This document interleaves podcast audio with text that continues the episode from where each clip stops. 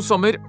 Jeg heter Åsleik Engmark, og i dag er det jeg som skal lede dere gjennom sommer i P2. For meg er det alltid litt stas å få være på lufta i NRK. Det var i NRK TV Severin Suveren, som er meg, begynte sine skråsikre stavtak tidlig på 90-tallet. Det var her jeg fikk lov til å være med på satireprogrammet Egentlig i en årrekke, og ikke minst ha mitt eget smale lille humorprogram Læra at simma. Plutselig kjente folk meg igjen på gata. De, de, nikket og smilte, samme hvor jeg befant meg i landet. For jeg hadde jo vært på TV i beste sendetid. Ingen visste at den egentlige jobben min den gangen da var å, å være skuespiller på Det Norske Teatret. Fortsatt kommer det folk bort til meg på gata og sier ja, hva driver du med oppe i NRK for tida? Jeg følger med deg, veit du. Er det noe nytt på gang. Så sier jeg at uh, jeg har egentlig ikke jobba i NRK siden 1997, jeg. Da blir de ofte litt stille, og så begynner de å flakke med blikket, og så sier de ja, men, ja, men det er du som er maleren i Drammen? Ja, der er du lidderlig god, altså. Og når jeg da sier at nei, dessverre, det er ikke meg. Det er en annen som ligner litt på min stemme når jeg gjør meg til, men, men tusen takk likevel. Da blir folk liksom litt uh, triste. Ja, men er, er, ikke du sånn komiker og artist, da? Jo da. Ja, men hva driver du med da? Altså, jeg jobber, jeg, jeg, jeg er bare ikke på TV. Jeg står på scenen. Spiller rundt om i landet. Så i dag skal jeg fortelle dere om yrkeslivet mitt. Om det jeg egentlig driver med. Og aller mest om de usynlige jobbene. Altså det vil si de som er usynlige bare fordi de ikke er på TV, men som foregår der mennesker bor eller jobber, og som gleder mange hvert år. Jeg skal fortelle dere om noen av kollegene mine, oppdragsgiverne og, og publikum jeg møter. Dere skal få et innblikk i litt av det ulike jeg jobber med, og som gjør meg til artist eller, eller komiker eller regissør, kulturarbeider, kunstner eller håndverker eller forteller, kanskje. Altså det som til sammen utgjør min profesjon. Jeg, jeg sprer meg ganske tynt utover, og sånn tror jeg det er mange frilansartister i Norge som jobber. Her er forresten fjellvettregelmusikken i originaltapning. Det vil si, den har opprinnelig ingenting med fjellvett å gjøre, men er fra Svanesjøen.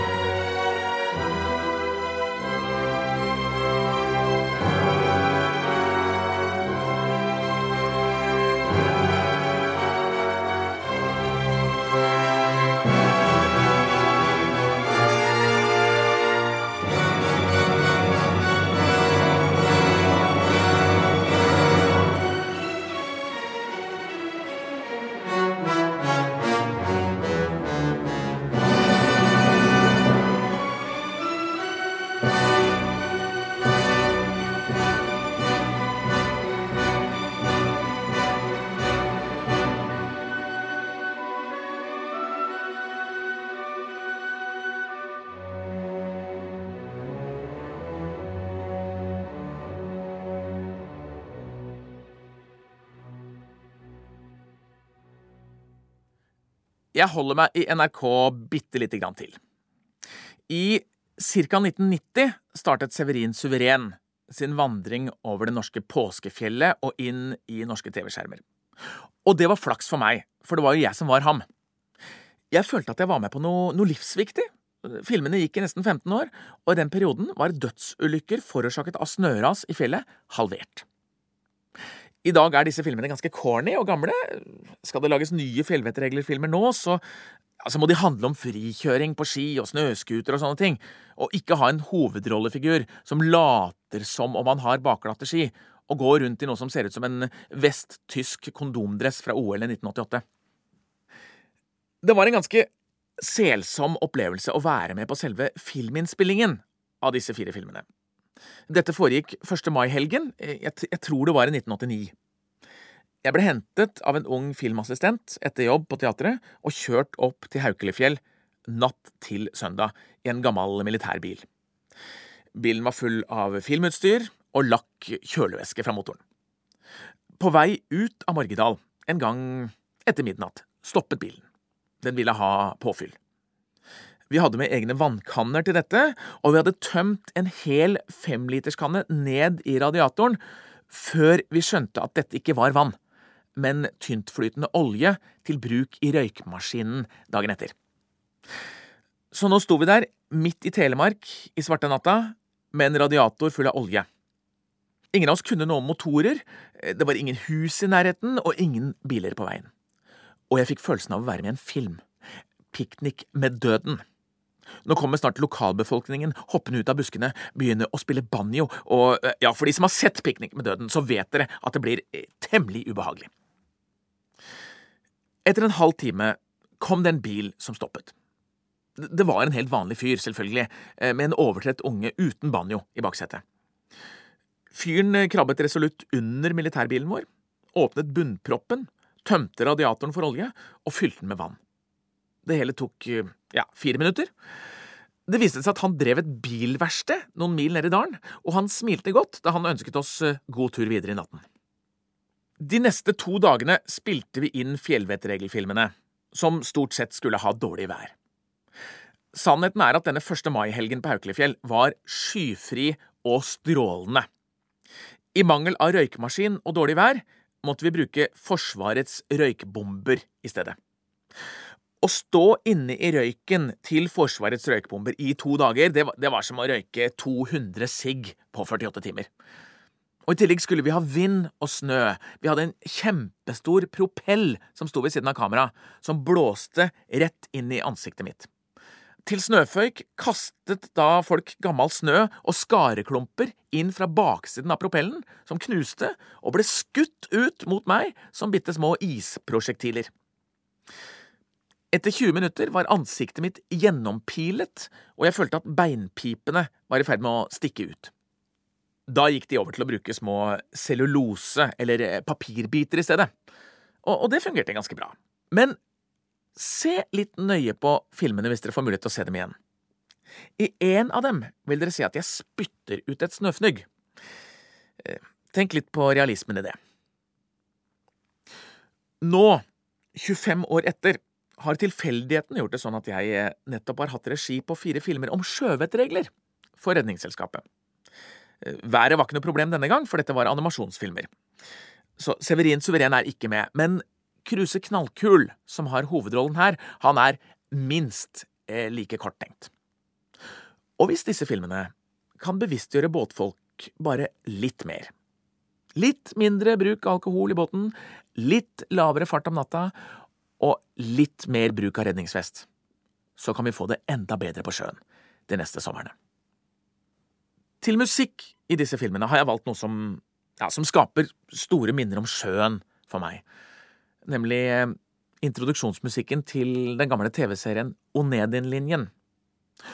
Og dette er også ballettmusikk. Dette er eh, Kachaturian, og balletten heter Spartacus. Dette er, dette er fantastisk vakkert. Dette er, uh, dette er, bølger, dette er stort hav, dette er seilskuter, dette er, uh, dette er tårer.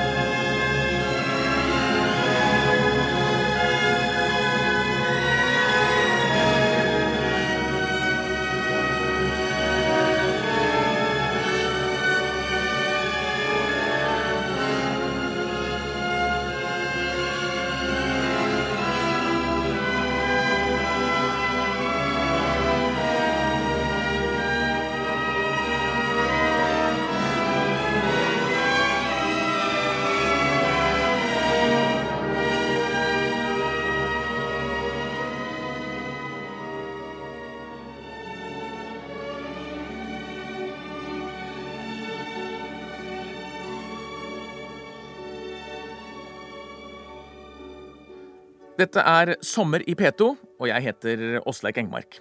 Og jeg forteller litt om de ulike tingene jeg gjør i underholdningsbransjen. Det er en del mennesker som tror at standup er noe som foregår på Latter i Oslo. Og det gjør det, det foregår der også, men eh, det er ikke der hovedarbeidsplassen til de fleste norske standup-komikere er. Det er eh, rundt omkring i landet, det. Mine største opplevelser som komiker har jeg når jeg er ute og, og reiser. Og jeg har spilt i nesten hele landet, i alt fra kulturhus til, eh, til nedlagte låver. Å komme til Karasjok en regntung høstkveld etter å ha kjørt eh, fra Alta snaue 20 mil over Finnmarksvidda for å spille for ja, 40–50 mennesker, et par fra Sametinget, noen lokale reineiere, eh, et par Nav-ansatte og noen romantiske tilflyttede søringer, altså det er temmelig eksotisk og rett og slett helt maks for meg.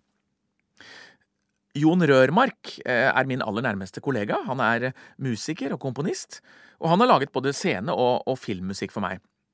I tillegg står vi sammen på scenen i en forestilling som er en, en blanding av standup og tullball med publikum og, og, og, improvisert konsert. Faktisk så er det aller mest en improvisert konsert, men, men det kan vi ikke skrive på plakaten, for da er, det, da er det ingen som tør å komme. Da tror de at det er mystisk. Så vi kaller det for standup, men når vi først har fått publikum inn i salen, da, da gjør vi hva vi vil med dem. For, for det er mystisk, og, og, det er kjempegøy når vi snakker med publikum og lager hele konserten på sparket.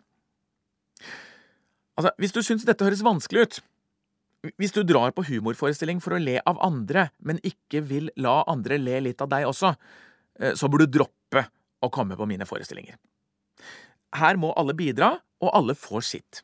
Altså, vi er ikke slemme, men vi vil at alle skal være med å leke. For når du går fra en forestilling med Jon og meg, så skal du kjenne at du nettopp har sett noe helt unikt og levende. Noe som bare handlet om de som var i salen akkurat denne kvelden. En forestilling som aldri vil oppstå igjen. I fjor, for eksempel, spilte vi i, i lokalene til motorsykkelklubben i Austvatn i Nord-Odal. Altså, det bor, det bor kanskje 200 mennesker i selve Austvatn og vellet hadde arrangert forestilling og fest. Og det var over 100 mennesker, og helt stappa i motorsykkelklubben. Alt fra 18- til 80-åringer satt stua sammen på benkene og vagla opp langs veggene, og, og lokalet var dekorert med, med, med shoppergafler, eh, amerikanske delstatsflagg og, og oppskjønne suvenirer fra andre motorsykkelklubber. Bak bardisken sto damene i vellet og bare pumpa ut lapskaus og øl.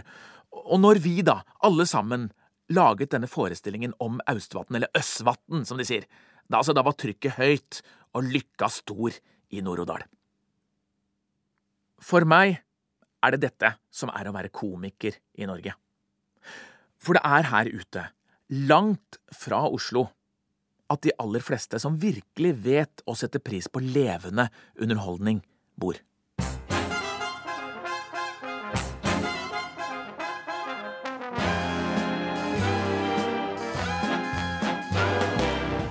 You seen the well-to-do up on Lenox Avenue on that famous thoroughfare with their noses in the air, high hats and narrow collars, white spats of fifteen dollars, spending every dime on a wonderful time. If you're blue and you don't know where to go to, why don't you go where Harlem flits? Putting on the Ritz spangled gowns upon the bevy of high browns from down the levee, all misfits are putting on the Ritz. And that's where each and every Lulu Belle goes. Every Thursday evening with her swell bows. Rubbing elbows, come with me and we'll attend the Jubilee and see them spend their last two bits. Putting on the Ritz.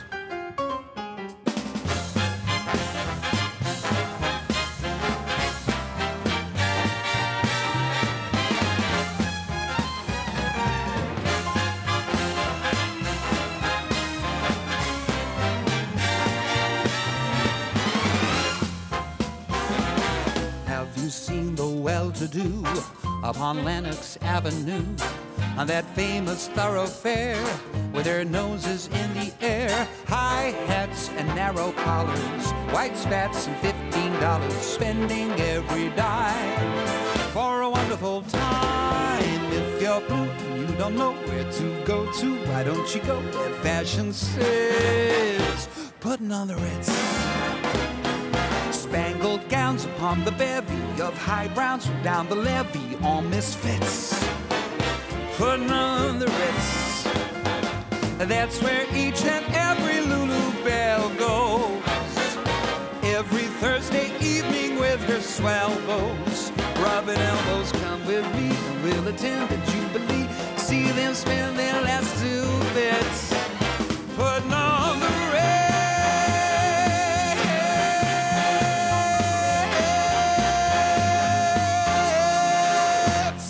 Dette var Putten on the Ritz i ny versjon med Robbie Williams. En låt jeg for øvrig synger selv i forestilling for tiden, eh, men da handler den om eh, Vladimir Putin, så da heter det Putin on the Ritz.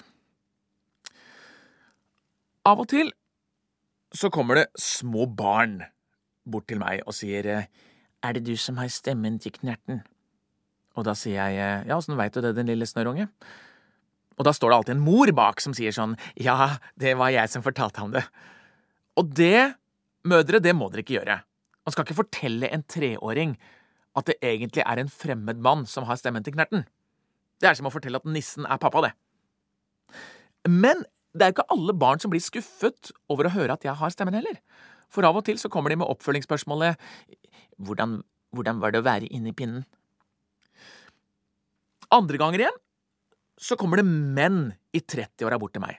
Du er Timon i Løvenes konge! Du har den feteste stemmen jeg veit om! Altså, du, Jeg kan hele filmen uten at Si noe fra filmen! da, Gjør det! Gjør det!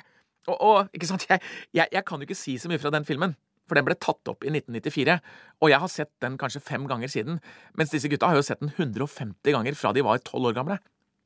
Så min største filmkarriere er altså som animasjonsdubber. Og, og, og primært for Disney og Pixar.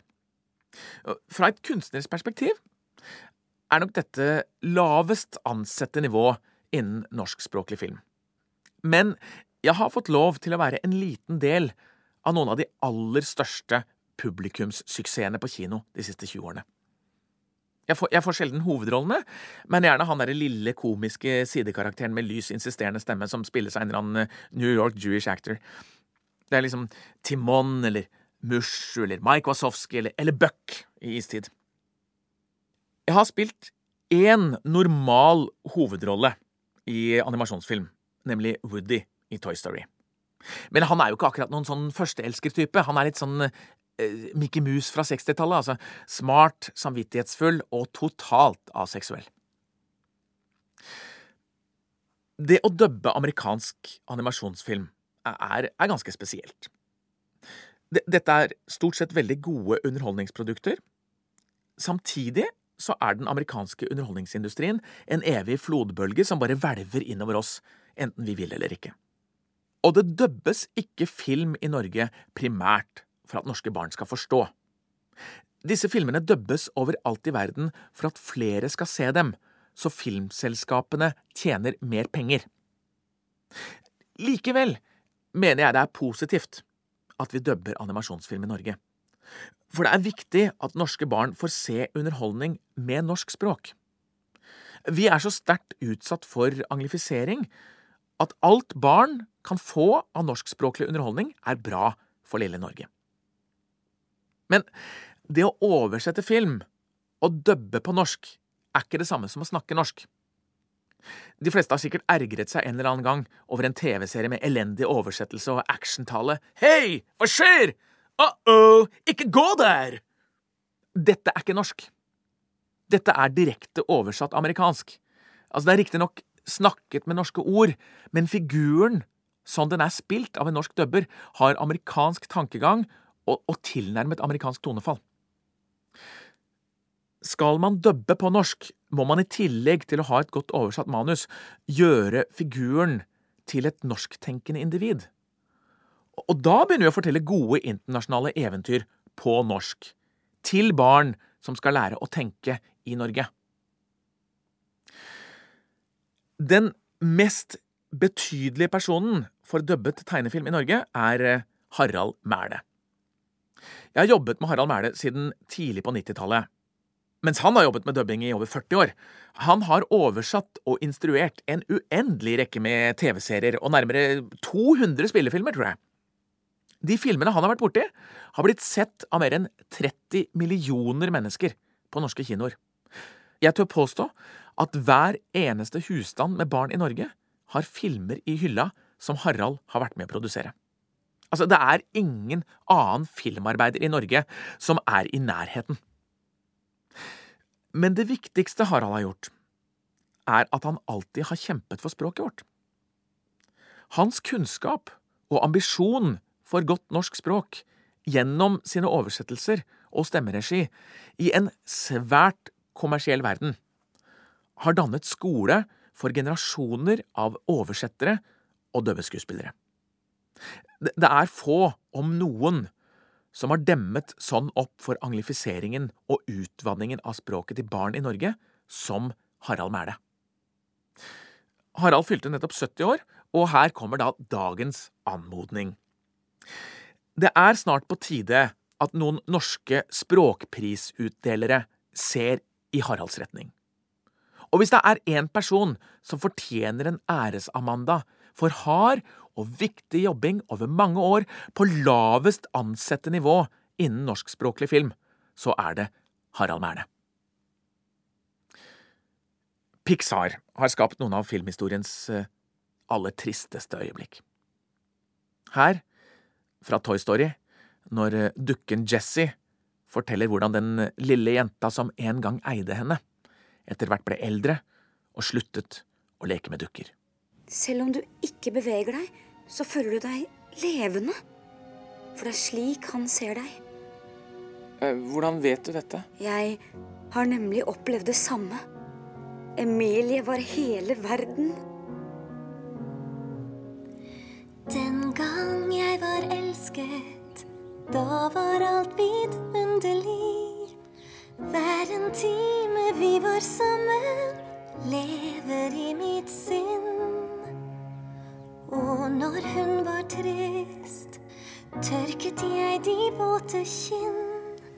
Når hun strålte glad, så visste jeg hun elsket meg. Våre sommer fløy forbi, hver dag så var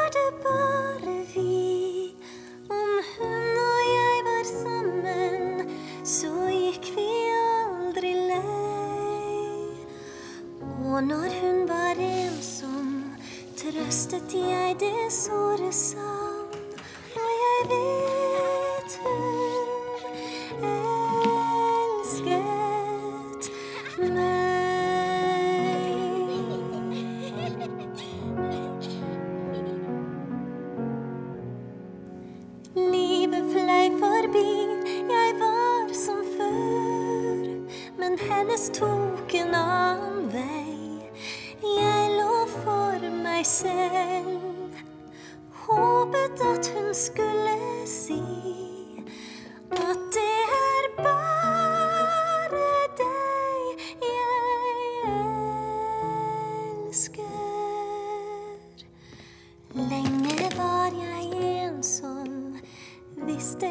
lite hvor hun var.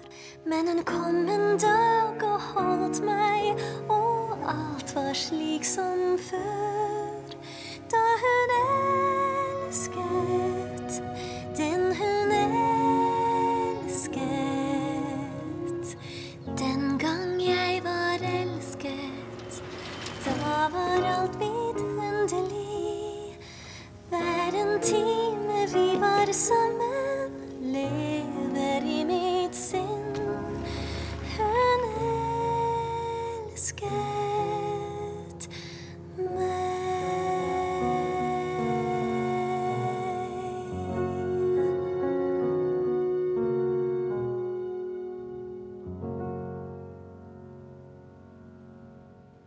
For enkelte artister eller eh, skuespillere kan det å opptre for næringslivet oppleves eh, synonymt med å selge sjela si. Jeg er eh, usikker. Shakespeare gjorde for det meste bestillingsverk for folk med penger, han også. Jeg har jobbet masse for privat og offentlig sektor. Med alt fra å være seriøs møteleder til, til ren underholder. Og selv om disse folka ikke har kjøpt teaterbillett for å se meg denne dagen, bør man huske at de aller fleste nordmenn er høyst oppegående, utdannede mennesker med normalt utviklede sjelsevner. Man kan gjerne ha forakt for et og annet multinasjonalt selskap, men man skal ikke ha forakt for menneskene som jobber der.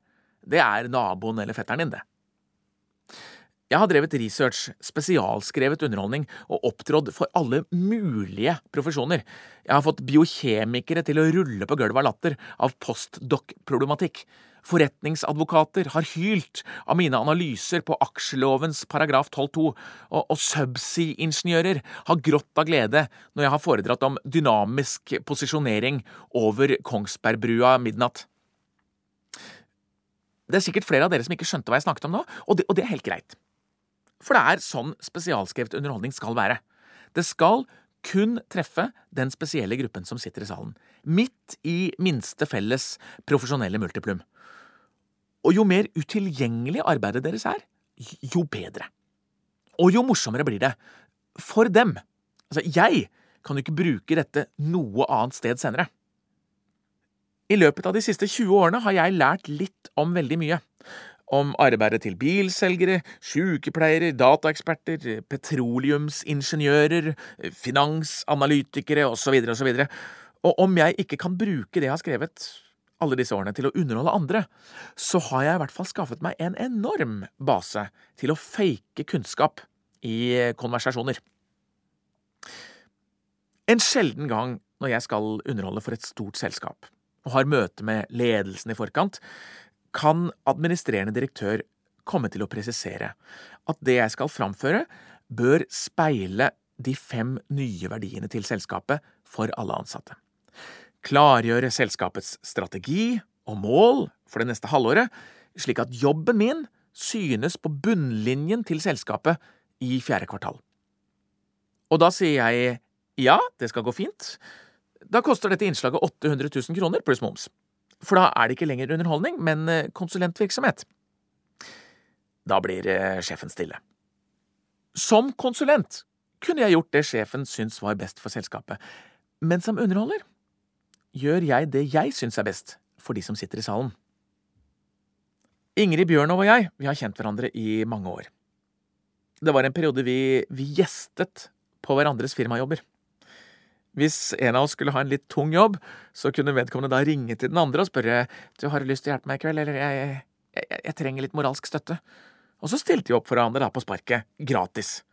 Og da ble det bonusunderholdning for oppdragsgiver. Her er et uforglemmelig opptak av fantastiske Ingrid Bjørnov med Kringkastingsorkesteret på Rockefeller for noen år siden. Preludium i C-dur av Johan Sebastian Bach. Men jeg var nokså ung, og jeg hadde ikke helt bestemt meg for om jeg skulle spille piano eller kjøre slalåm. Så det var litt sånn øvekjedelig.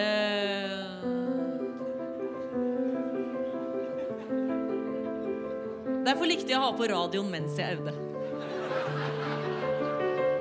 Og dette var seint på 60-tallet og samme år som det engelske bandet Procol Harum hadde sin første store hit med A White Shade of Pale. Så hver gang jeg skulle spille Bach, så ble det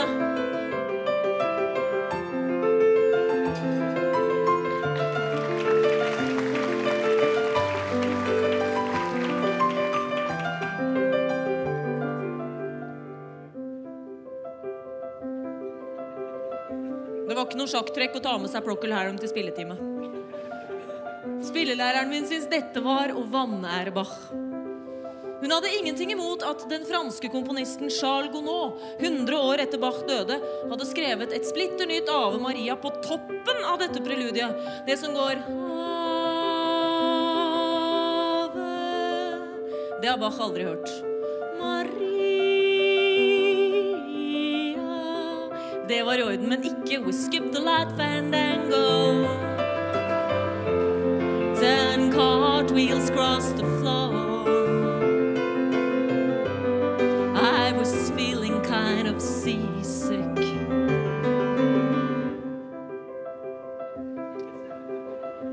Preludiet mitt ble stadig lenger, og spillelæreren min begynte å bli litt snurt. Så ga hun meg et annet stykke av Bach som også var nokså likt preludiet, egentlig. Nemlig Er.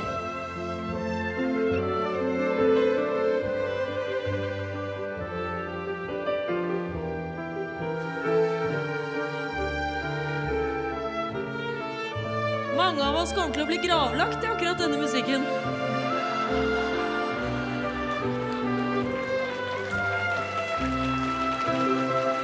Så man kan like godt lære seg den først som sist.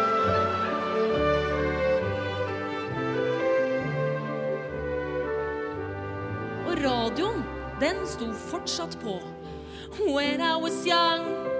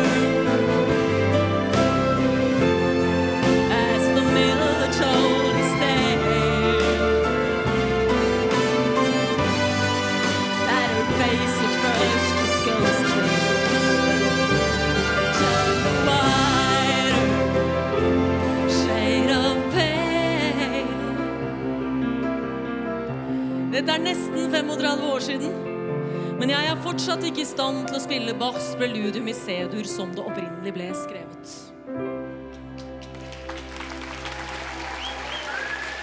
Dette er Sommer i P2, og jeg heter Åsleik Engmark. Jeg forteller litt om eh, hva jeg driver med på jobben, da. Norge er et lite land. Og det norske språk er enda mindre. Instrumentet mitt er det norske språket.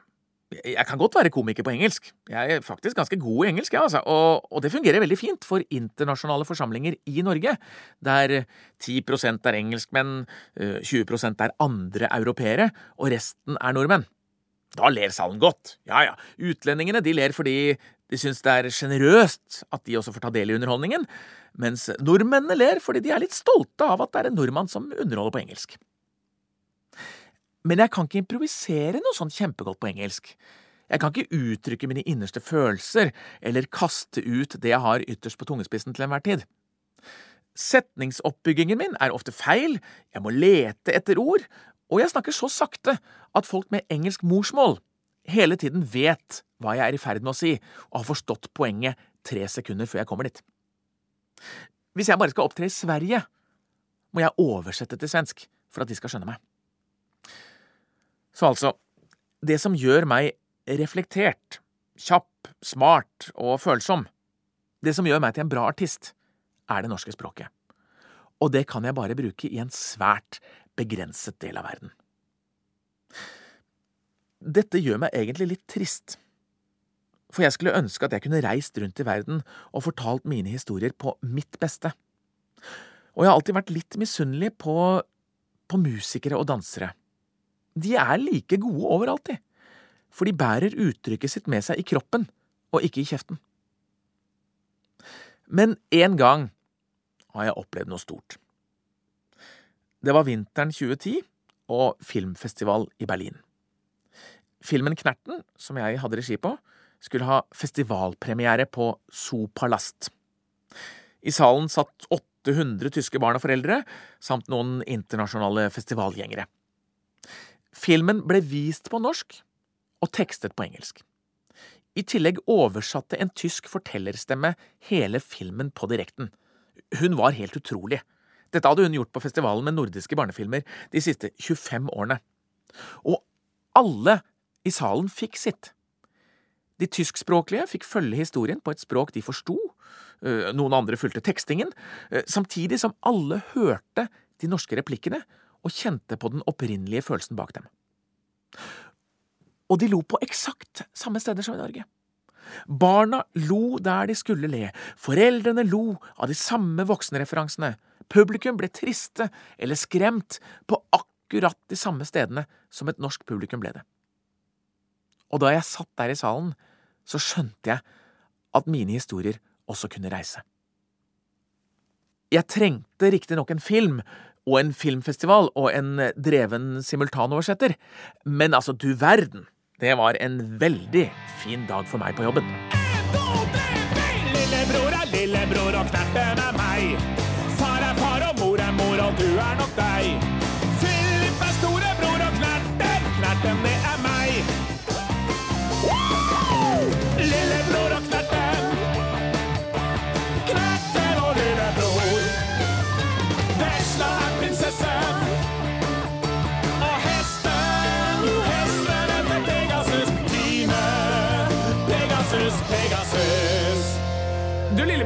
Sunget duett med en pinne noen gang? Nei, aldri! Nei, det er ikke så vanlig det, faktisk. Kanskje jeg kan bruke det som mikrofon? Ja, ja, og så synger du oppe i toppen her, da. Sånn? Ja, Yeah, baby! ok, kom igjen! Lillebror er lille og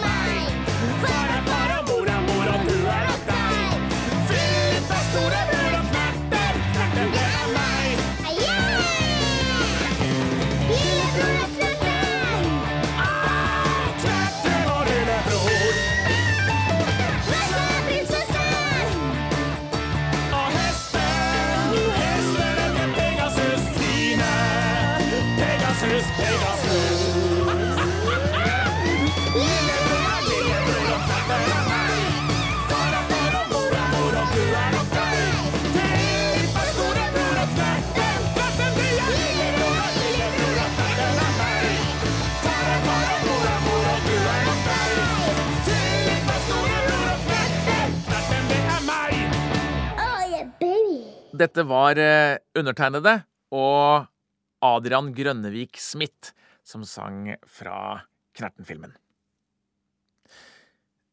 Jeg har aldri avtjent verneplikt i det norske forsvaret, men det tar jeg igjen litt nå. Forsvaret har fem profesjonelle musikkorps med til sammen ca.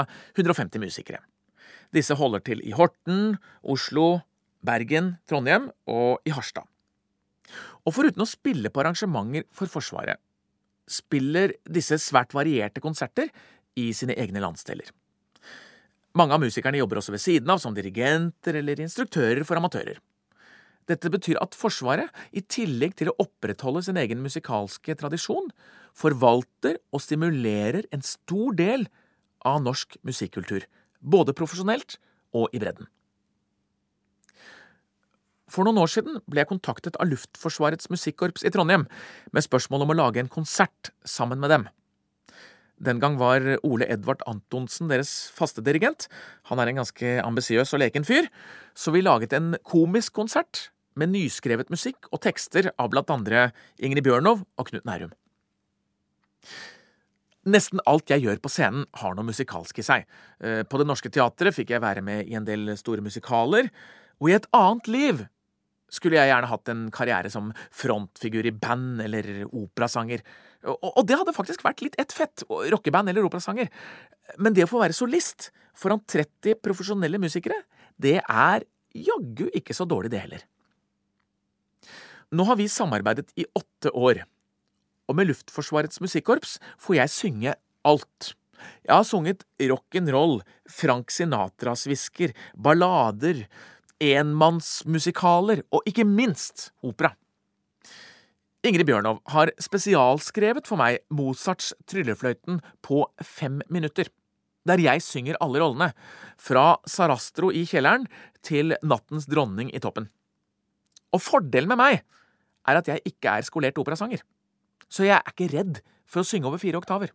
Det er, ikke, det er ikke viktig for meg å definere om jeg er bass eller sopran. Det viktigste er musikkgleden og humoren jeg får oppleve sammen med publikum, og 30 alltid positive, profesjonelle korpsmusikere. Altså, jeg og flere av dere som hører på, har spilt i korps som barn. Og mange tror liksom man vet hva korps er, fordi man har sett 17. mai-toget. Men skolekorps er bare så uendelig langt unna det profesjonelle korpsmusikere leverer. Og så finnes det mange gode voksne amatørkorpsmusikere i Norge. Hvert år samles de i Trondheim til NM i janitsjar. To ganger har jeg stått på scenen sammen med Luftforsvarets musikkorps på festkonserten deres. Og når 1200 elleville voksne amatørkorpsmusikere i en stappfull Olavshall står på stolene og hyler som om Justin Bieber skulle stått på scenen, da er jeg både rockesanger og operasanger og korpsmusiker. Da da har jeg kommet hjem. Her er Luftforsvarets musikkorps med Squadron 633.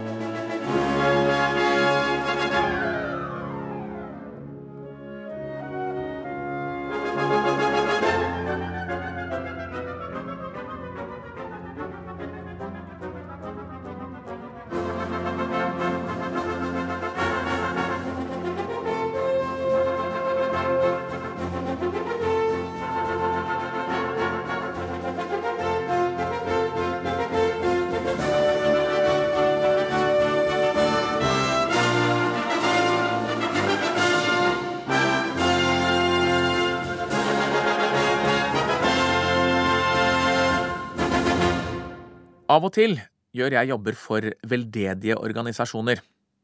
Og det er eh, Røde Kors jeg har vært mest borti. De siste årene har jeg for eksempel vært konferansier på Red Cross Race Against Malaria. En stafett som går på Karl Johan i juni, til inntekt for deres arbeid mot spredning av malaria. I flere år var verdens raskeste mann, Usain Bolt, fast hedersgjest og starter. Når jeg sier til folk at jeg har stått på scenen og pratet med Usain Bolt flere ganger, er det mange som blir eh, starstruck på mine vegne, og, og de blir fornærma når jeg sier at jeg glemte å be om bilde og autograf. Og jeg skjønner jo at det er tøft, liksom, at han er en kul fyr og en legende og greier, men, men jeg er ikke så opptatt av det der og da, for da holder vi jo på med malaria. Jeg tror egentlig jeg har dårlig utviklet evne til å bli sterkt berørt, bare fordi jeg er i nærheten av en som er veldig flink til noe ellers. Jeg hadde kanskje blitt berørt om jeg hadde sittet på tribunen mens han satte verdensrekord. Men, men ikke av å prate med han en annen gang. Da måtte Usain Bolt i tilfelle vært en fantastisk fascinerende fyr å snakke med. Og den samtalen har vi aldri hatt tid til på Karl Johan. Noen jeg virkelig beundrer, det er de som jobber i felten rundt omkring i verden for hjelpeorganisasjoner. For noen år siden var jeg med å lage film om Røde Kors arbeid for flyktningebarn i Colombia. På grunn av den langvarige borgerkrigen har landet over fire millioner internt fordrevne. De fleste er barn med store traumer etter å ha sett familiemedlemmer bli kidnappet eller drept av gerilja eller paramilitære styrker. Folk flykter fra krigen på landsbygda og inn til slummen i byene, der mafiaen regjerer i stedet. Flyktningbarn blir fort løpegutter for mafiaen eller forsvinner inn i dop og prostitusjon. Og det er disse barna, noen med høyt aggresjonsnivå, andre som er tatt ut av skolen fordi de må tjene penger til familien gjennom søppelsanking, alle boende i rønner eller midlertidige skur bygget av stokker, plastduk og blikkplater. Det er disse barna frivillige colombianske Røde Kors-arbeidere hjelper. De lærer dem å lese og skrive, de lærer dem konflikthåndtering, og de lærer dem å leke. For det er mange av disse barna som aldri har lekt. De har bare vært innelåst av livredde foreldre, eller de har bare opplevd krig og frykt. Det var her jeg møtte Christian, moren hans og kusinen Louisa. De eneste gjenlevende av en stor familie. Far, storebrødre, lillesøster på bare ett år, onkler og fettere til Christian var drept av paramilitære styrker. Og Christian, som ble en aggressiv ung gutt, hadde nå langsomt lært seg å se mer positivt på livet gjennom Røde Kors sitt arbeid. Å høre dem fortelle, og se deres nåværende livsvilkår. Og samtidig vite at flere millioner mennesker bare i Colombia har lignende historier, er eh, ganske trist. De menneskene som frivillig gjør det de kan for disse barna, som trosser mafia, gerilja, paramilitære styrker og, og korrupte myndigheter gjennom da sitt fredelige, humanitære arbeid, det er folk jeg virkelig beundrer. Nå har dere fått høre om litt av det jeg driver med. Utenom NRK, der jeg altså ikke har jobbet siden 90-tallet, i tilfelle det skulle ha kommet noen nye lyttere til. Og jeg gjør mye mer enn dette. Jeg har ikke fortalt dere om bandet jeg spiller i, eller de utopiske filmplanene mine. Og jeg har ikke fortalt én eneste skandalehistorie. Men eh, nå er timen over, så da har jeg noe til gode for eh, sommer i P2 neste år. God sommer, og dere må gjerne hilse på meg på gaten og slå av en prat neste gang vi ses. Hilsen Åsleik Engmark. Tú eres como un ciclón. Tú eres como un ciclón. Arrastrando con todo. Quemándote mi vida. Arrastrando mi amor. Dejándome una herida. En todo mi corazón. Dejándome una herida.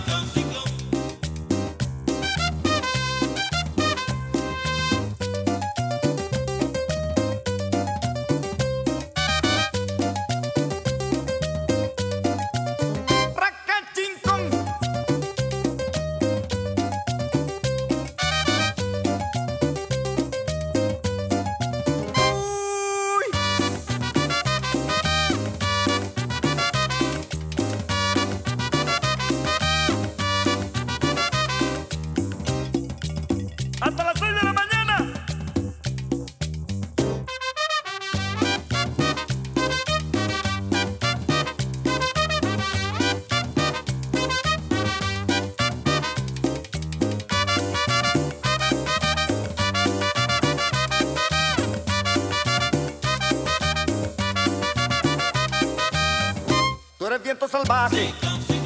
Tú eres viento salvaje. Y me puede matar. Y me puede matar. Eres como un huracán. Violento comunal. Como tromba marina. Y me tienes en la ruina. Como tromba marina.